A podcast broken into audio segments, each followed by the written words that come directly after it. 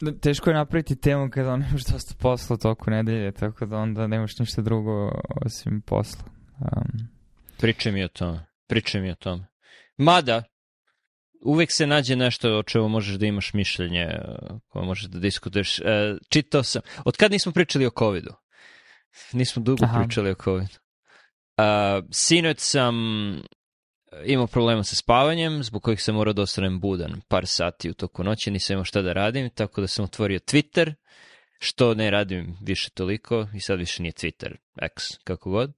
I vidio sam jedan članak tamo gde, gde USA Today, koji bi trebalo da je ozbiljan časopis, uh, pišu o studiji koji su, čini mi se, radili u Nemačkoj nad 300 i nešto zdravih pacijenata koji su primali drugu dozu čini mi se Pfizer vakcine, BioNTech, neke mRNK vakcine i radili su studiju o tome kakav je imunni odgovor ako primiš vakcinu u istu ruku koji si primio prvu dozu u poređenju sa odgovorom koji imaš ako si primio vakcinu u suprotnu ruku i zaključak do kojeg su došli je da su antitela ista, nivo antitela protektivnih je isti, ali, ali kada gledaju uh, specifično limfocite koji su usmereni ka spike proteinu, CD4 limfociti su, su isti između dve grupe, usto i nešto ljudi kod kojih su uopšte mogli da mere, uh, koji su uopšte mogli da rade imunofenotipizaciju limfocita. Uh, CD4 znači, spike nije, na svima rađeno, nije, nije, nije ni na svima rađeno a 300 i nešto u ukupnoj studija, 100 i nešto su mogli da rade da, mm-hmm. ovo, tu analizu, i, ali, je, ali je, kad gledaju CD8 citotoksične spike protein usmerene limfocite. Oni koji su primili u istu ruku su imali, ne 68% njih je imalo te limfocite, a oni koji su primili u suprotnu ruku, pa samo 43% njih je imalo te limfocite. A, I... koje, koje, mislim, standardna devijacija, mislim, izvršite, na to su medijane, šta? Mislim, to su, uh, ne, su, to su, ne, ne, ne, to je, to je proporcija ljudi kod kojih se imao detekciju limfocita. Znači, Aha, ne postoji znači, variabilnost. Znači, imaginarni cut-off nekog njihovog proprietary 3 testa koji je dostigao. Mislim, slična studija bila i sa mRNK ovim št, um, vakcinom, da napravim ne veliku digresiju sa karcinom pankresa koji je izašla ono pre par meseci, koja je stvarno zanimljiva i dosta toga, ali malo ima taj cirkularni argument gde dokazali smo da je postignuti nivoj onoga što je proprietary test koji su mi definisali šta znači postići željni nivo, a ne objašnjamo previše koji su to korelativi i zašto je to bitno klinički. I, I pazi, razumem ja to. Imaš novac za ono izučavanje covida, imaš postdokove ili koga god koji hoće nešto da radi i moraš nešto da im daš da rade i ajde uradi to i dobiješ te rezultate, ok, ali nije problem u tome što neko to uradi. Mada, ako hoćeš da radiš kako treba, treba da uradiš prespecifikaciju onoga što, svojih analiza, treba da vidiš koje su te karakteristike uh, ljudi koji su primili injekciju u istu ruku u poređenju onih koji su primili u suprotnu ruku, jer šta, ako je neko rekao, e, ubodi me u ovu drugu ruku jer sam sa prvom dozom imao jako veliku reakciju i šta, ako je to marker ne za da. to da si primio suprotnu ruku, nego da si imao burnu reakciju prvog puta, što je ko zna iz kog razloga, gomila stvari zašto nisi uradio ono pre specifikaciju, pre registraciju, analiza koje ćeš da radiš na imunofenotipu i tako dalje i tako dalje. Mislim, ok, čak i da, da, da zanemarimo sve to, pošto većina ljudi ne radi to, Problem je što u diskusiji, oni celu diskusiju provode razmatrajući zašto bi, da, da, naravno da ako primiš u istu ruku, onda je limfni čvor isti izložen istoj dozi mRNK vakcine i smislili su tako neku pričicu zašto je to tako i onda je neko iz USA Today-a koji je nacionalna novina koja ima ono veliku čitanost napravio je veliki tekst o tome zašto treba drugu dozu vakcine primiti u istu ruku, a ne u suprotnu ruku. I to ti je, mislim, oči su mi se toliko prevrnule da su završile, ono, gledao sam pozadi u, u potiljak koliko su se prevrnule zbog tog niza gluposti koje nemaju veze sa naukom, imaju veze sa pričanjem priča. Da. E, mislim, teško je ne biti iznerviran zato što je to odraz obrazca koji u, u ovoj meri je nešto što možeš da, čemu možeš da se nasmeješ, ovaj, mislim na ovom konkretnom primjeru, što možeš da i, ono, i izdvojiš kao primjer, eto kako se sa lošim pretpostavkama, lošom recenzijom i još lošijom komunikacijom sa javnošću stvori pseudo istina ili bullshit koji, mislim, na kraju studija nije dizajnirala da odgovori na to pitanje. A, ali to je samo ono obrazac u malom, on, mikrokosmos svega što je loše u, u nauci generalno, pogotovo u kliničkim studijama sa korelativima, a, koje se onda provlače kroz pipeline um, medija koji onda služe da komuniciraju stvari javnosti, a pogotovo kad na to nakalemiš um, gornji pritisak od strane institucija u okviru vlade koji imaju ono politiku sprečavanje širenja dezinformacija koja sama po sebi može se dovede u pitanje jer a, moramo svi da imamo jasno definisano mišljenje o tome šta je nauka, šta je adekvatan naučni metod, šta je adekvatna studija i šta je onda dezinformacija, jer ako to ne uradimo, onda će samo taj koji u poziciji da deklariše šta je dezinformacija, šta nije dezinformacija, a, biti arbitar toga šta se smatra javno prihvatljivom ili neprihvatljivom istinom. I to je ono to je dalje iteracija tog obrazca u smislu kako je onda to problematično za sve nas jer dođemo u situaciju da i dalje se priča i da i dalje ima ljudi koji veruju to da treba da budeš... Znaš, bio sam primjer isto na X u Twitteru kafića gde ispred kaže ako hoćeš da sediš za stolom moraš da budeš vakcinisan, ako hoćeš da sediš za barom moraš da budeš boostovan. A, I ono, s jedne strane ne možeš da kriviš ono, ljudi će smišljati svašta, i, i ljudi će imati religiozan odnos prema stvarnosti neminovan, ali je problem kada je to se osjeća da neko nije opet podstaknuto nečem što bi trebalo da bude neutralan, objektivan, naučni metod, a, a mislim da ono, establishment, mi kao naučnici koji učestvujemo u svemu tome, nismo najbolji u uspostavljanju adekvatnih kriterijuma koji se dalje dilutiraju i opere u nešto poput toga, mislim. I onda postaje oružje, političko oružje, to je ono što je najveći problem, što nauka postane političko oružje. Mislim. Da, ne pamtim, uh, ne, ne pamtim bolji primer onoga uh, umerenost u svemu, jer, jer iskreno jako mi iritiraju oba ta ekstrema i ovde je čist, da. čist, no. Da. čist primer gde su oba ekstrema potpuno idiotska i, i ne vide jedan drugi koliki su idioti i, i guraju ljude koji, koji, koji su u sredini ka jednom ili ka drugom polu. To je ne, nevjerojatna samo selekcija, jer, jer ne, ne, ne znam što je gore. Iskreno ne znam što je gore. Oba su loša na svoj način ali zato što su međuzavisni, opet ono, koncept, aha, šizmogeneze, znači poenta je kad ti de, počneš da definišeš sebe kao ono što onaj drugi tabor nije, u sve većoj diferencijaciji i razdvajanju, ulaziš sa bajesom, uh, da imaš određeni stav i onda pokušaš da retrofituješ sve stvari koje ono mogu kroz confirmation bias da ti opravdaju tvoj stav i onda svako citira svoju nauku, a i nauka jednih i drugih su loše studije ili studije koje nikad nisu ni trebale da budu urađene ili koje uopšte ne odgovaraju na pitanja. I to nisam, mislim, COVID je jedan od salijentnijih primjera i on jedan koji se tiče svih nas, ali imaš i drugih relativno kontroverznih tema u kulturološkim ratovima, opet da se nauka služi kao e, nešto što je arbitar istine, apsolutne istine, ali ono što je naj, i problematično drugi nivo, arbitar moralne istine, u smislu da nam nauka govori šta ispravna, dobra, a, društveno korisna, bolja od drugih, čista, u smislu religijski čista, puritanski, a, treba da misli kako treba da se ponaša i ne oslanjamo se na manuskripte iz 16. veka, niti na zlatne ploče pronađene u Juti, nego se oslanjamo na ono što je objavio USA Today i ono što je objavio neki šnjer predatorski časopis sa Impact Faktorom 4 koji je dobio zato što ljudi citiraju jedni druge um, i koji ti iznosiš kao da je ono de facto. A mislim problem je naravno i onda u velikim časopisima i regulatornim službama koji imaju, koji su spustili svoje kriterijume ono, u,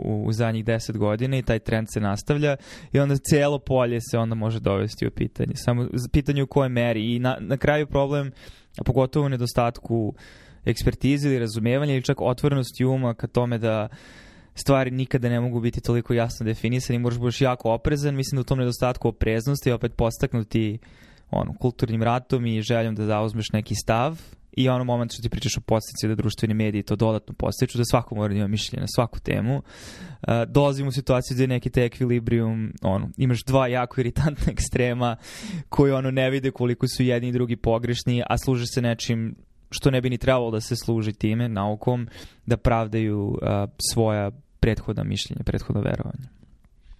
Um, lepota modernog trenutka je što možeš da odlučiš, kao što se nadam se ja odlučio, da se selektivno izlažeš tim glupostima, jer nema, nema potrebe. Kako, kako bi ti znao ta dva ekstrema? Mislim, ja sam u toj poziciji, ne znam, ti možda u krugovima kojima se krećeš možda si više izložen, ali generalno, osim ako ne odeš u, u močvaru Twitterovsku, ex Twitter, kako god, uh, nisi toliko izložen tome, ne?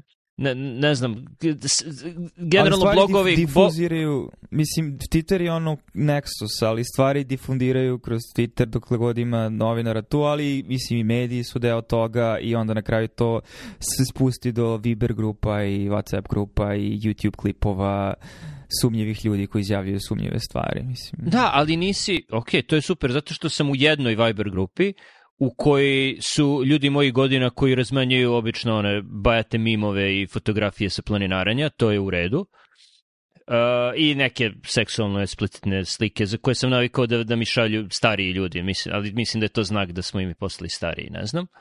Uh, ali nisam toliko izložen tome. Mislim, YouTube ne gledam, blogovi koje pratim ne pišu o tome, blogovi koje pratim su uglavnom pisali i bavili se LK99. Možemo o tome da pričamo i to je jedan primer nove nauke kako brzo možeš da, kako je ubrzan ciklus otkrivanja mm. istine u, u, u tom smeru i, i kako možda sva ova buka koja je na Twitteru, koju mi doprinosimo ovim razgovorom, sveopšte buka, možda je to samo zato što nema bitnih stvari trenutno i ljudi ne rade na bitnim stvarima i onda radiš neke sitnice oko kojih ćeš da se svađaš.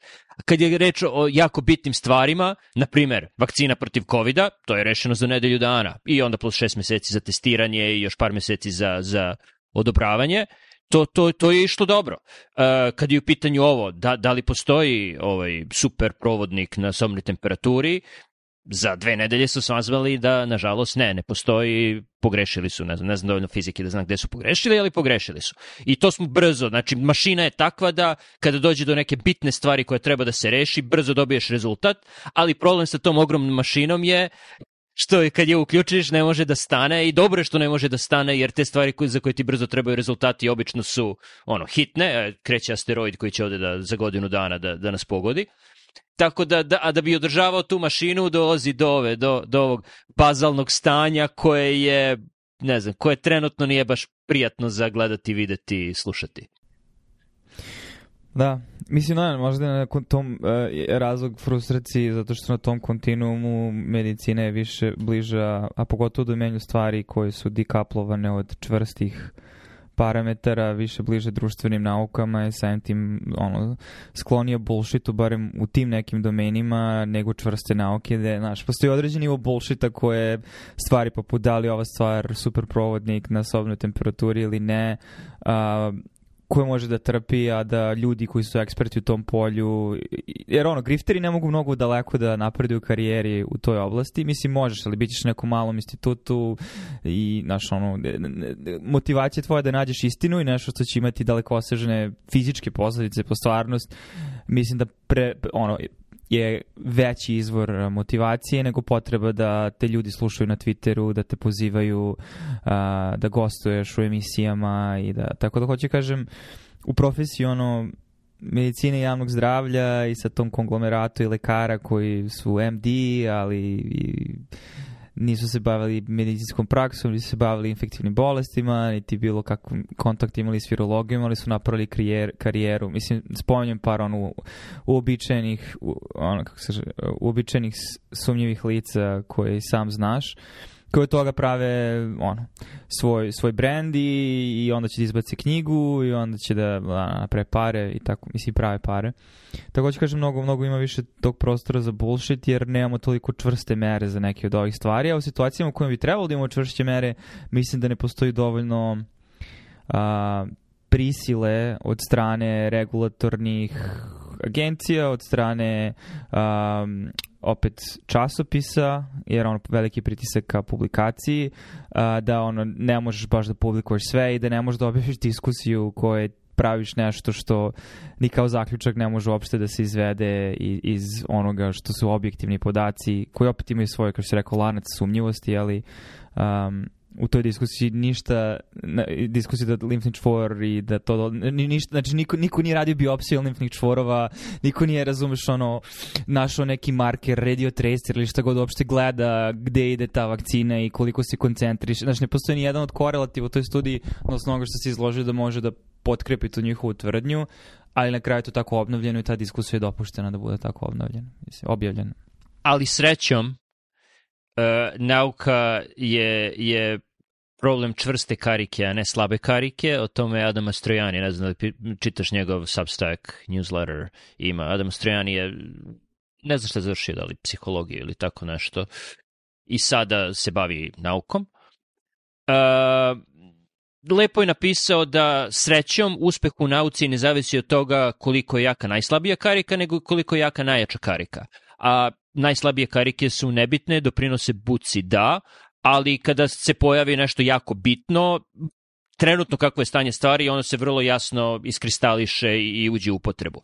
Znam da ljudi vole da navode kao primer, ne znam, Alex Tabarrok i uh, ekonomisti, naročito kao FDA je jako spor, koliko samo e, lekova koji mogu da spase živote je zaustavljeno i nije odobreno zato što je FDA jako spor. Mislim da nije problem u tome, mislim da je problem u tome što nema toliko lekova koji mogu da spasu život, a kada se neki takav lek pojavi, na primer karte ćelije koje su u UPN-u prvi put istestirane na ljudima, ne znam, 2013. 14 Orkut četiri godine bile su odobrene, za to vreme e, problem nije bio e, odobravanje, kogod je mogao da do, kogod je kad god je ono bio kapaciteta da se naprave karte ćelije, nije FDA bio taj koji je rekao ne, ne, čekaj, ne može, što se br brzo se ustanovilo da funkcioniše, da ovako ćemo da ih pravimo. Druga stvar je što je sam, sam sistem pravljanja jako spor i, i kapacitet je relativno mali.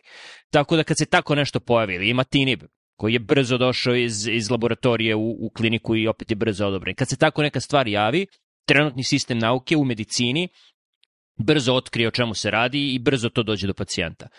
Problem je što nema puno tolikih stvari, nema puno jakih signala i nema puno jakih karika. Tako da, umesto da radimo na tome da smanjemo broj slabih karika, koga briga za slabe karike, treba da radimo na tome da povećamo broj jakih karika i da vidimo ne da postoje ljudi koji pričaju priče i sad mi je malo krivo što su, ja sam počeo tu temu, svesan sam, nego da vidimo kako, kako možemo da povećamo broj, ne znam, Karla Džunova i, i ljudi iz NCI koji su napravili kar i, ili da, da povećamo broj ovih... Um, Bože, kako se zove uh, CLL stručnjak u HSU u Oregonu koji je, koji je radio na odobrenju Gliveka. Nije bitno, setit ću se. Ali više takvih ljudi. Mm. Da. Mislim, ali, ajde onda, ali da li, mislim, ovo je sad samo hipoteza i ne znam koliko uopšte više, znači, impresija i intuicija nego neki objektivni parametar koji mogu sada da izložim, ali da li misliš da je broj slabih karika u medicini konkretno a, porasta u posljednje decenije. O, što, ono... mislim, bez sumnje. Neko je objavio uh, statistiku MDPI časopisi su u posljednjih godinu dana imali 300.000 izdanja svojih različitih časopisa. Znači ne 300.000 članaka, nego 300.000 izdanja različitih časopisa, a u svakom tom izdanju, ako ima, mislim, samo tri ili četiri članka, a ima ih po 20-30, u pitanju su milioni naučnih pod navodnicima članaka. Tako da, bez da. sumnje se povećao broj, broj slabe nauke, slabih karika, svakako a, a COVID je samo doprineo tome jer je povećao, smanjio je prag da neko objavi nešto i je, mislim, imaš par hiljada švecarskih franaka, objavit će ti MDPI šta god hoćeš. Kao neko koji publiku MDPI-u, ne mogu se onda da klijam glavom. Pogotovo što ono, čak i kad prihvatiš nešto da radiš sa njima, znači toliko je taj predatorski biznis da nasilje ti šalju mailove svake nedelje kao da sad treba da napišeš 10 članaka, jer imamo sad ovo novo izdanje koje je jako slično izdanju ovom sa ovim guest editorom i to su ono isti ljudi koji ti šalju te mailovi kao čekaj, jer ti ne, jer vi imate barem ono brojčano stanje, koliko piše, kojih radova u kom trenutku i da li uopšte ima smisla da potražujete ove stvari od nekoga ko se već obavezao na to da će napisati ono recenzi, e, da će napisati revijski rad na neku temu, znaš, koliko vi mislite. E, tako da, mislim, meni to samo sve reći da, ko je to ono biznis sada. I to, mislim, ta, ta dilucija, mislim, i to je sada problem što globalno da, nauka je um, takva i nauka će preživeti i, i klatno će se potencijalno pomeriti, ali umeđu vremenu mnogo ljudi, mnogo karijera će napredovati, mnogo para će se napraviti, a drugi ono kontraefekat toga što će se poverenje u nauku uh, smanjiti od strane javnosti. Uh, jer se ispostavlja da sve manje i manje ljudi će biti postavnuto da se bavi ozbiljnim, teškim, mukotrpnim radom kad postoje ove niže grane kojima i dalje možeš da se služiš da napreduješ u karijeri, da imaš svoju poziciju na nekom univerzitetu, da možda budeš prezentuješ na konferencijama i tako dalje. To je tačno, ali mislim da je veći problem za čovečanstvo pad poverenja u velike institucije nego pad poverenja u nauku generalno. Uh, jer u krajnjoj liniji da li će ljudi verovati fizičarima ili onima koji prave avione, inženjerima, mislim da generalno hoće. Mislim da ako dođe tvoj ono anonimni Twitter nalog ti da nacrt za most preko neke reke, da li ćeš ti na osnovu tog nacrta za most praviti bilo šta i raditi bilo šta, nećeš. Ljudi, ljudi i, dalje, i dalje veruju tome. Ali mislim da su te stvari među povezane, da je taj ugrađenost tog grifta sada i ono na neki način disocijacija osjećaja lične odgovornosti prema tvom radnom mestu. pričali smo tome, dotakli smo toga više puta, više vidiš to kao usputnu stanicu, pogotovo ako se s ovom ima asocirano neko ono elit, neki elitni status koji ti onda dozvoljava da dalje napraviš u društvu, ali onda urušavaš poverenje to zato što ti onda se služiš institucijom ne da nju gradiš i da to ide ka zajedničkom cilju sveopšteg dobra, nego tvog, tvog ličnog individualnog boljitka i onda postepeno uradi koliko iteracija, znaš, koji je ekvilibrium koji će nastati iz svega toga. Mislim da je to zato što je previše novca ušlo u sistem da. i u nauku i ljudi su sumnjičavi prema bilo kome ko zaradi na tome. Dakle, postoji percepcija da za, za tako neki rad, rad naučnika, rad lekara, to je pre svega radiš zbog požrtvovanosti, zbog zbog svoje ono vere u prave vere u nauku i vere da da to zna, nešto znači i da ćeš promeniti svet, ne zato što ćeš zaraditi novac i onda kad vide da CEO Pfizera i Moderne i, i drugih ono srednjih, malih i velikih eh, farmaceutskih kuća dobiju novac zbog svega toga, ljudima se ono dignu antene kao čekaj da, da oni ipak ne pokušavaju nas da prevare, možda se ovde ipak radi o novcu, a ne o, o on, ljubavi prema istini. Uh, i, i, I mislim da je to problem. Uplitanje puno novca u sistem i možda sad tu je odgovor na to da li, zašto, zašto, da li su možda slabe karike loše. Mislim da je toliko novca tu zato što ti treba sve više i više novca da bi ono Uh, da bi održavao pre, preva, da i da bi pre, prevazišao tu buku jer ti treba da. od, održavanje svega toga tako da je u tom smislu povezano ali na što, na što treba da se vratimo da li se vratimo ono u, u 18. vek da da džentlmeni u svojim privatnim odajama obavljaju nekontrolisane eksperimente i to šalju ne znam uh, kraljevskom društvu u, u London E, kao svoje, svoje zapažanja i da se ono malo bave alhemijom, malo, malo mikroskopom, malo, malo nebeskim telima, kao što je radio ne znam, i Newton i Levenhook i svi oni. Da, da li da se vratimo na to, mislim da složit ćeš se to nije baš održivo, postoje, postoje trade-offovi, kaži mi kako pa, smo više preveli trade-off, ali postoje uvek. Da, da, da, a zanimljivo kako je tvoja, tvoja uvek reakcija na ono kao stvari su loše sada tvoje, kao šta je alternativa da se vratimo u prošlost, kao da ne postoje stvari koje možeš da ono projektuješ potencijalno budući. Mislim, teški su problemi pitanje, tako da razumem da je to default za sve nas. I to je nešto čemu, mislim, ono, verujem da i ti dosta razmišljaš, mislim, pokrenuo si temu. I bukvalno sam razmišljao o tome jutro, znači, na, na putu do posla. Um, ne, mislim da, svači, mislim da nije. Svači, Da, da ti, mogu da ti kažem svoj odgovor na to. Mislim da rešenje nije toliko u povratku prošlost. Postoji način da se izvadi novac iz sistema, svakako. No. Da. Sve do ono 60. godine i u Americi postojao taj, taj, taj način, a to je visoki porezi za bogate, na što će ljudi da ti kažu, ali ne, nije poenta poreza da, da uzimaš od bogatih čisto da ih poravnaš, poenta je da finansiraš time nešto, na što ću ja da kažem, pa da, naravno, američki budžet je u ogromnom deficitu već ono decenijama, još od kraja 90-ih, sad, sada će 20-30 godina skoro, da, finansiraj deficit time što će, što, što ćeš uzeti porez od hipermilijardera, ne, mora, ne moraš čak ni od onih malih milijardera, od, od velikih milijardera uzmi novac i, i to će u velikoj meri doprineti povećanju poverenja u sistem. Da, ali ti hipermilijarderi imaju dovoljno moći da mogu, znači moraju dobrovoljno to da prihvati, moraju da kupe priču da oni time doprinu, da su oni novi Carnegie ili da su oni novi, razumeš, znači da ne, ne, ne, mora da bude ne. dobrovoljno. Da Nadam da se da neće. Način... Nadam se da neće biti novi Carnegie, jer je novi, kad bi bili novi Carnegie, to bi značilo da će oni dobrovoljno da biraju kome će da daju novac i onda su oni benevolentni darodavci čije će ime ostati na zgradama, tipa, ne znam, Zuckerberg bolnica u San Francisku. Ne, uzmi novac i nećeš ti da biraš gde će da ga staviš, to je, to je novac koji će da finansira deficit. A ko će, da, mislim, ali onda ti imaš apsolutno poverenje u instituciju vlade, mislim, onda, tako da je to onda jedna od pretpostavki. Da.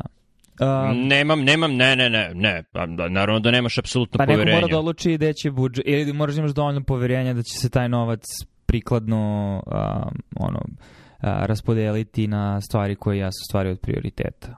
Lepota američkog sistema je što ne zavisi od poverenja, zavisi od izbora, ako uzmeš višak novca iz sistema i preusmeriš ga na, nazad u budžete, imaće manje novca za uticaj na, na te izbore. Tako da, da je to ono.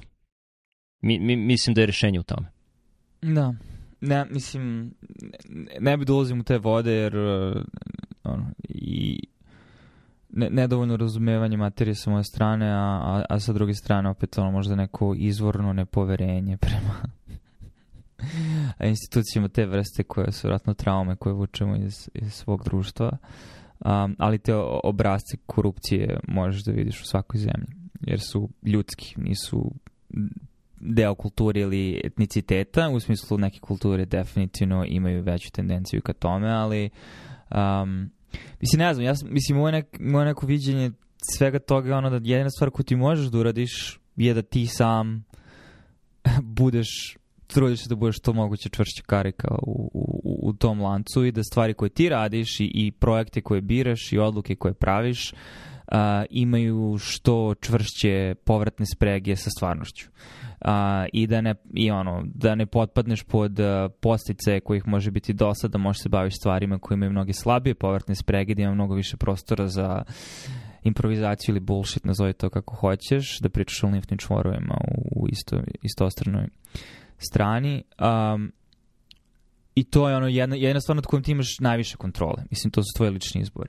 Druga stvar je, mislim, ono, možeš da sebe asociraš sa ljudima koji imaju slične stavove i da, kao što mislim, razmenjujemo, znači to i ono u prostoru kome može da se, mogu da se razmenjuju ideje, da računaš da će to motivisati dovoljan broj ljudi i mislim, sad je to onaj moment, ono, pričali smo o mimeziji, uh, gde ako nađeš, ako, mislim, nađeš dovoljno dobrih čvrstih polu. Naravno, mislim, ako u ovom modelu karika, naš Feynman karika nije isto vredna. Mislim, postoje se pitanje koliko je ko kao karika vredan, ali definitivno znamo da su neke čvrste karike čvršće od drugih karika, u smislu mnogo su bitnije za, za društvo nego ostale i, i na nekom nivou su uzvodno, u smislu da nemamo stvari koje su nam donale fizika i eksperimentalna fizika, ne bismo mogli da imamo tehnologije koje nam dozvoljavaju da radimo stvari sad u medicini poput CT-a i cirkulušići tumorski DNK, PCR, tako Mislim, tako da u tom smislu te, te stvari su uzvodno, ali barem u domenu medicini, ono, bi, bioloških nauka, um,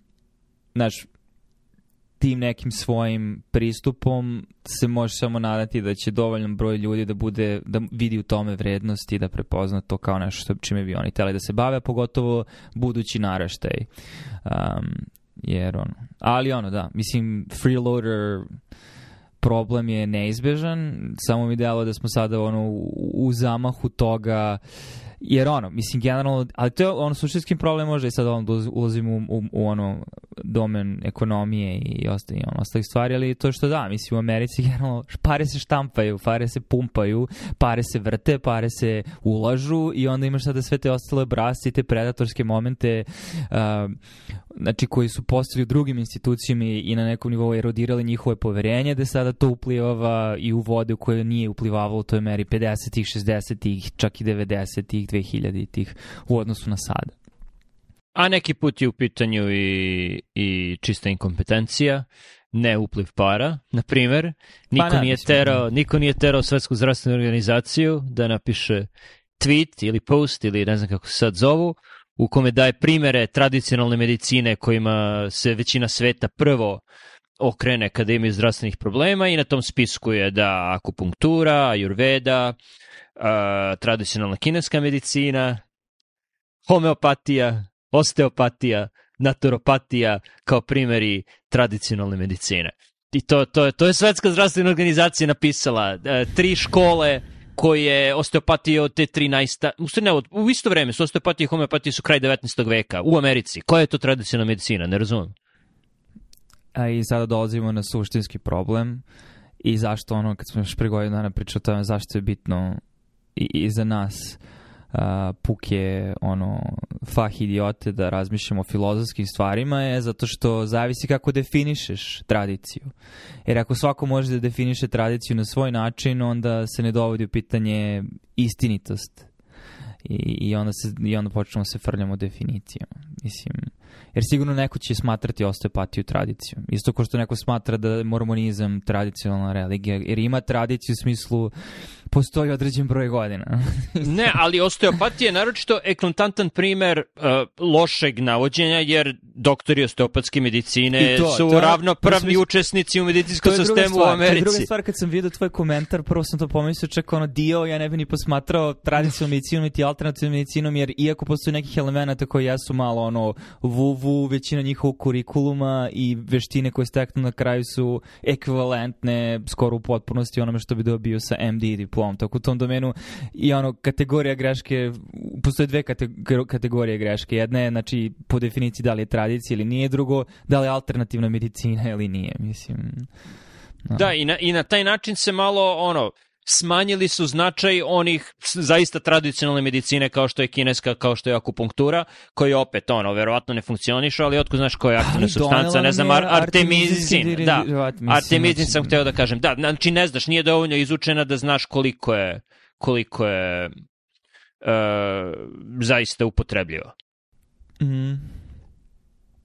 Kad sam kod čvrstih karika, možda sad malo korak lateralno mi zanima, bio sam na Exu, da tako kažem, pitanje, e, Feynman je postavio to pitanje, pričali smo skoro o Oppenheimeru, pa eto, možda je vezano i za to. Uh, mislen eksperiment, kad bi sva civilizacija a, nestale i kad bismo izgubili svo znanje nek, iz nekog razloga i sledeća generacija sad treba da ono, nastavi a, i ti jedina stvar koju možeš iskomuniciraš je jedna rečenica, šta bi iskomunicirao. Naravno, e, možda dovedeš u pitanje koliko je to objektivno stvarno i šta bi bilo izgubljeno, šta sve, ali čit point samo, mislim, da suštinski eksperiment, koja je to najključnija moguća ideja koja može da u, u sebi da sadrži srž koja će da restartuje celu civilizaciju. Ne, ne, ne razumem. Znači, nema više civilizacije, izgubili smo i svo znanje i sve, mislim, šta, šta da. ostaje, šta, šta je na zemlji, šta, šta se... Pa dobro, da, to je sad ono, mislim, upitnost kvaliteta tog mislnog eksperimenta, ali u smislu da recimo se, ja, ja kako sam to vidio zamisli da smo se vratili u antičko doba, recimo neku staru grčku, znači Zoru, um, ono, filozofa prirode, znači Tales i to, gde smo tek Dobro. počeli da provaljujemo ono, pitagorska, pitagorina škola i tako dalje. Znači, I vidi još unazad, mislim, oni imaju, oni, da. imaju, oni imaju pisanja i vrati se u, da. u praistoriju. Mislim, a, za, ali ne, ne mora bude prestore, može bude pisanje. Znači, mislim da i treba da... Pisanje je dozvoljeno, da, da. pisanje. ili grnčarija je dozvoljeno. Grančarija je bila pre pisanja, inače nemaš, nemaš gledanih tablica. Mislim, tako je bilo možeš komuniciraš rečenicu mnog, velikom broju ljudi, tako da ajde, da, znao sam, zato sam i ono pokušao da se ograničim. Ne moraš da odgovoriš na pitanje. o, ne, ne, ne, ali nas, ok, you ok. be, you must be fun at parties. Ono. Ne, hoću da budemo precizni, aj, aj konkretne da, da nego što. Mislim, da poenta je pitanja. Ovaj, Dobro, da ponovi pitanje, pošto sam ga sad zaboravio. Da, znači, koja bi to bila rečenica koju bi iskomunicirao narodnim naraštajima? Rečenica. To je jako glup misleni eksperiment. Mislim, rečenica... Zašto samo rečenica? Samo, ta, samo tu količinu informacija možeš da preneseš, Ne, ne, ne razumem.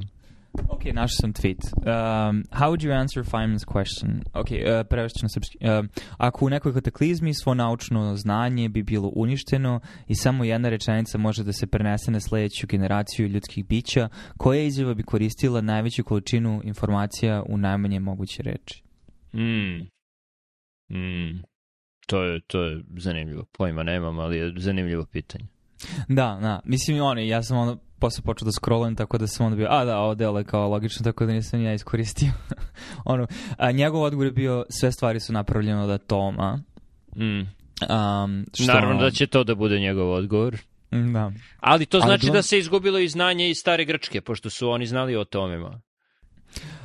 Pa, ali znali, ali više bilo u domenu hipoteze nego u domenu...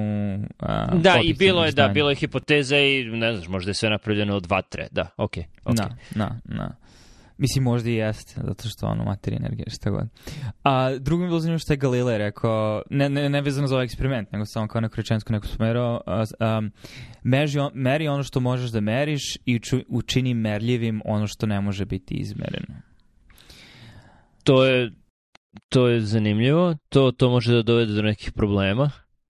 Da. Jer u, u činu pravljenja nečeg merljivim ti menjaš tu stvar i onda je pitanje da li meriš ono što si želo prvo da meriš ili meriš nešto drugo i u tim pokušajima da se nemerljive stvari učine merljivima je dosta disciplina uh, zalutalo na stramputicu i doprinosi ovoj buci o kojoj smo pričali.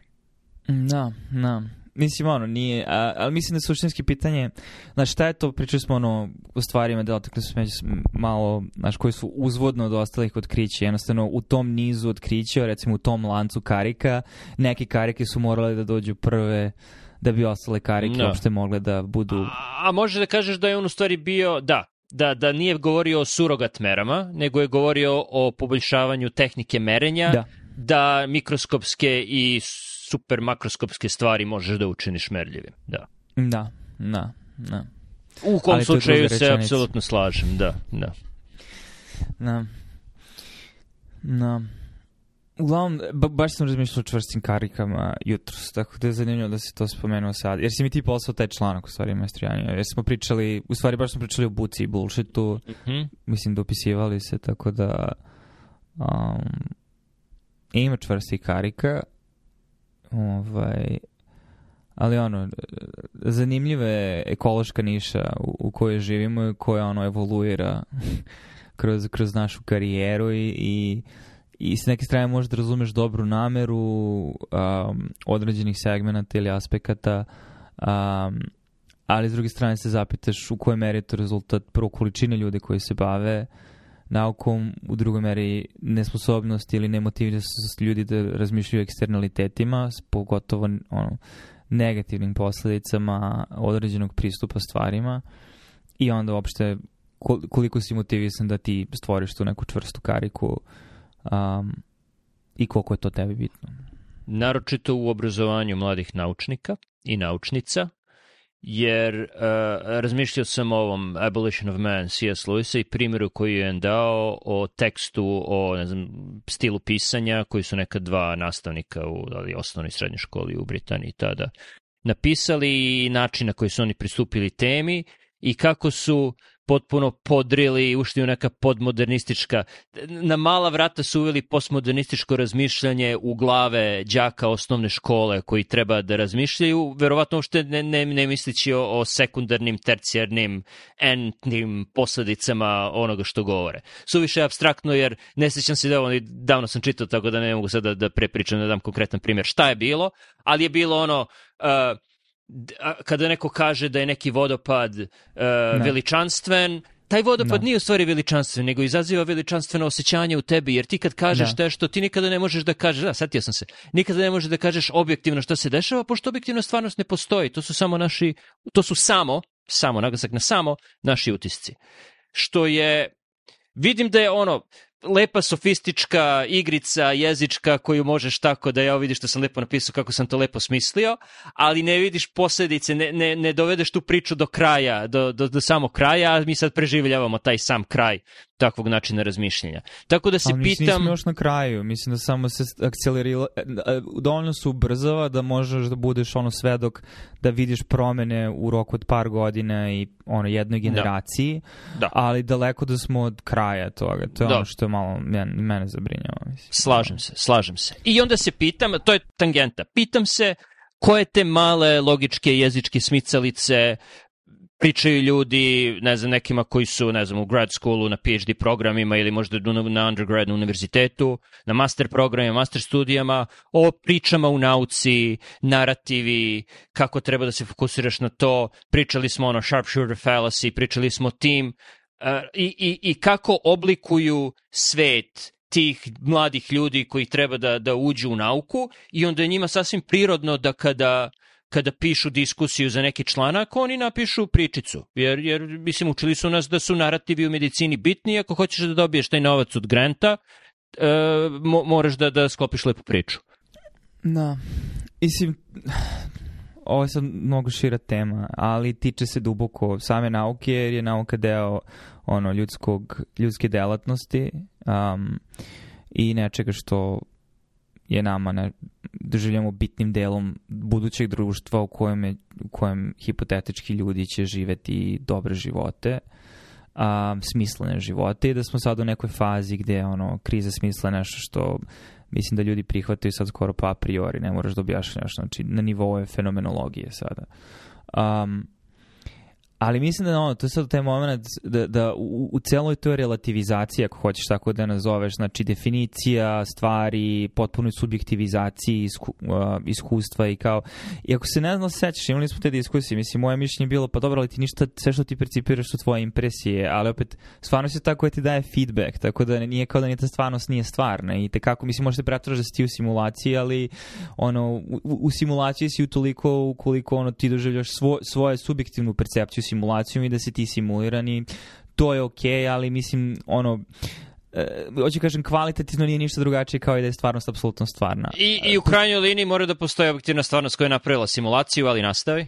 Da, da, da, to je isto uh, dobar način da izađeš iz te zamke tog gnostičkog. Ali to je sad problem što opet sad moment te religioznosti koja onda ne, neminovno uplivava, mislimo da smo sekularizovani, mislimo da smo ono uh, objektivni u svemu tome, ne shvataš da ti bukvalno praviš ono Platonovu pećinu ili ono uh, layer ontologiju, znači slojevitu ontologiju u smislu da postoji neka stvarnija stvarnost od naše stvarnosti. Uh, mislim, to je neoplatonizam. Mislim, znači, da, da postoji, i da postoji neki izvor, samo što ti tim izvorom smatraš da je to neka mašina, ali opet je ta mašina mora, mora neko da stvori, jer, jer, jer nije cool razmišljati o ideji nekog većeg principa, ujedinjućeg principa, a koji nama može da bude bliza kada ga ne vidimo kao karikaturu uh, čoveka sa bradom koji sedi na tronu, mislim, a ne kao neopipive i nama nespozene komplikovanosti procesa stvarnosti i univerzuma i kako on funkcioniše. Ne želim da ulazim u digresiju, ali ono što hoću kažem je u celoj toj relativizaciji na kraju ono stvarnost uvek ispliva i jaka karika će uvek biti jaka i u srži celog tog procesa dekonstrukcije E, će biti rekonstrukcija stvari i, i u nekim delatnostima već nekako nazirem, ne znam da je deo istog obrazca, ali naš ljudi pričaju kako ono people are reverse engineering ono courtship, u smislu um, znači imaš sad te moment ono u okviru znači proces udvaranja, datinga, znači izlaženja s ljudima kada ono si single i ulaziš u veze i sad imaš moment tehnologija koja razrušava norme i tradicije i gomila tih tradicija se i kulturološki, ono, kulturno sad smatra zastarelim i a, opresivnim, to je jako popularan termin, da ne kažem patriarhalnim i da je to razlog svih naših boljki i glavni izvor svih naših frustracija. A, daleko toga da da, da, da, da, ne treba prispitivati pređašnje sisteme uređenja, ali postoji jako veliki teret koji se stavlja na sve to i onda sve, sve što je novo i potpuno se dekonstruktivno se automatski viđa boljim. I onda ovo situaciju da ljudi komentarišu mahom žene o tome kako a, ono, dating aplikacije poput Tindera i bla bla ne dovode do dugotrenih veza i ljudi se osjećaju iskorišćeno, ljudi se osjećaju praznim i onda sad ono počinješ da vidiš ono efervestiju uspostavljanja nekih novih stvari koje se podvode pod kink, koji u stvari su neke ono bukvalno vrednosti koje se mogu smatrati nekom vrstom nečega što, do čega je društvo civilizacijski došlo kao da je to društveni ugovor kog, kog sad treba da se držimo i sad I naravno, dosta toga su naravno mimovi, dosta toga su mm, loše iskonstruisane i projektovane frustracije muškaraca online, jer su i oni, mislim, u celoj toj priči. Um, ali je zanimljivo da mislim ono, hoću kažem, u, u, u zrnu te čitave dekonstrukcije i ono, u jednom trenutku će početi da dođe do aglomeracije obrazaca koji jesu produktivni, koji jesu kohezivni, koji na nekom nivou su više u sinhronizaciji sa stvarnošću, i u nauci konkretno to bi bila čvrsta karika u smislu imaš direktni feedback, našao si mm. ono, superkonduktor na, te, na sobnoj temperaturi i to je daleko bolji e, e, ono, bolji rezultat nego da pričaš o string teoriji koja ne može da se primeni već decenijama um, jer je neprimenljiva najverovatnije um, i nije tačna. Um, uh mhm. -huh. Tako da, ovaj, hoću kažem, u celoj toj dekonstrukciji postoji zrno, a to je da u jednom trenutku će stvari početi da se okreću u drugom smeru, samo smo sad u toj tranzitornoj fazi gde uh, smo skloni, mislim, svi ono, relativizaciji koja nije uvek dobro.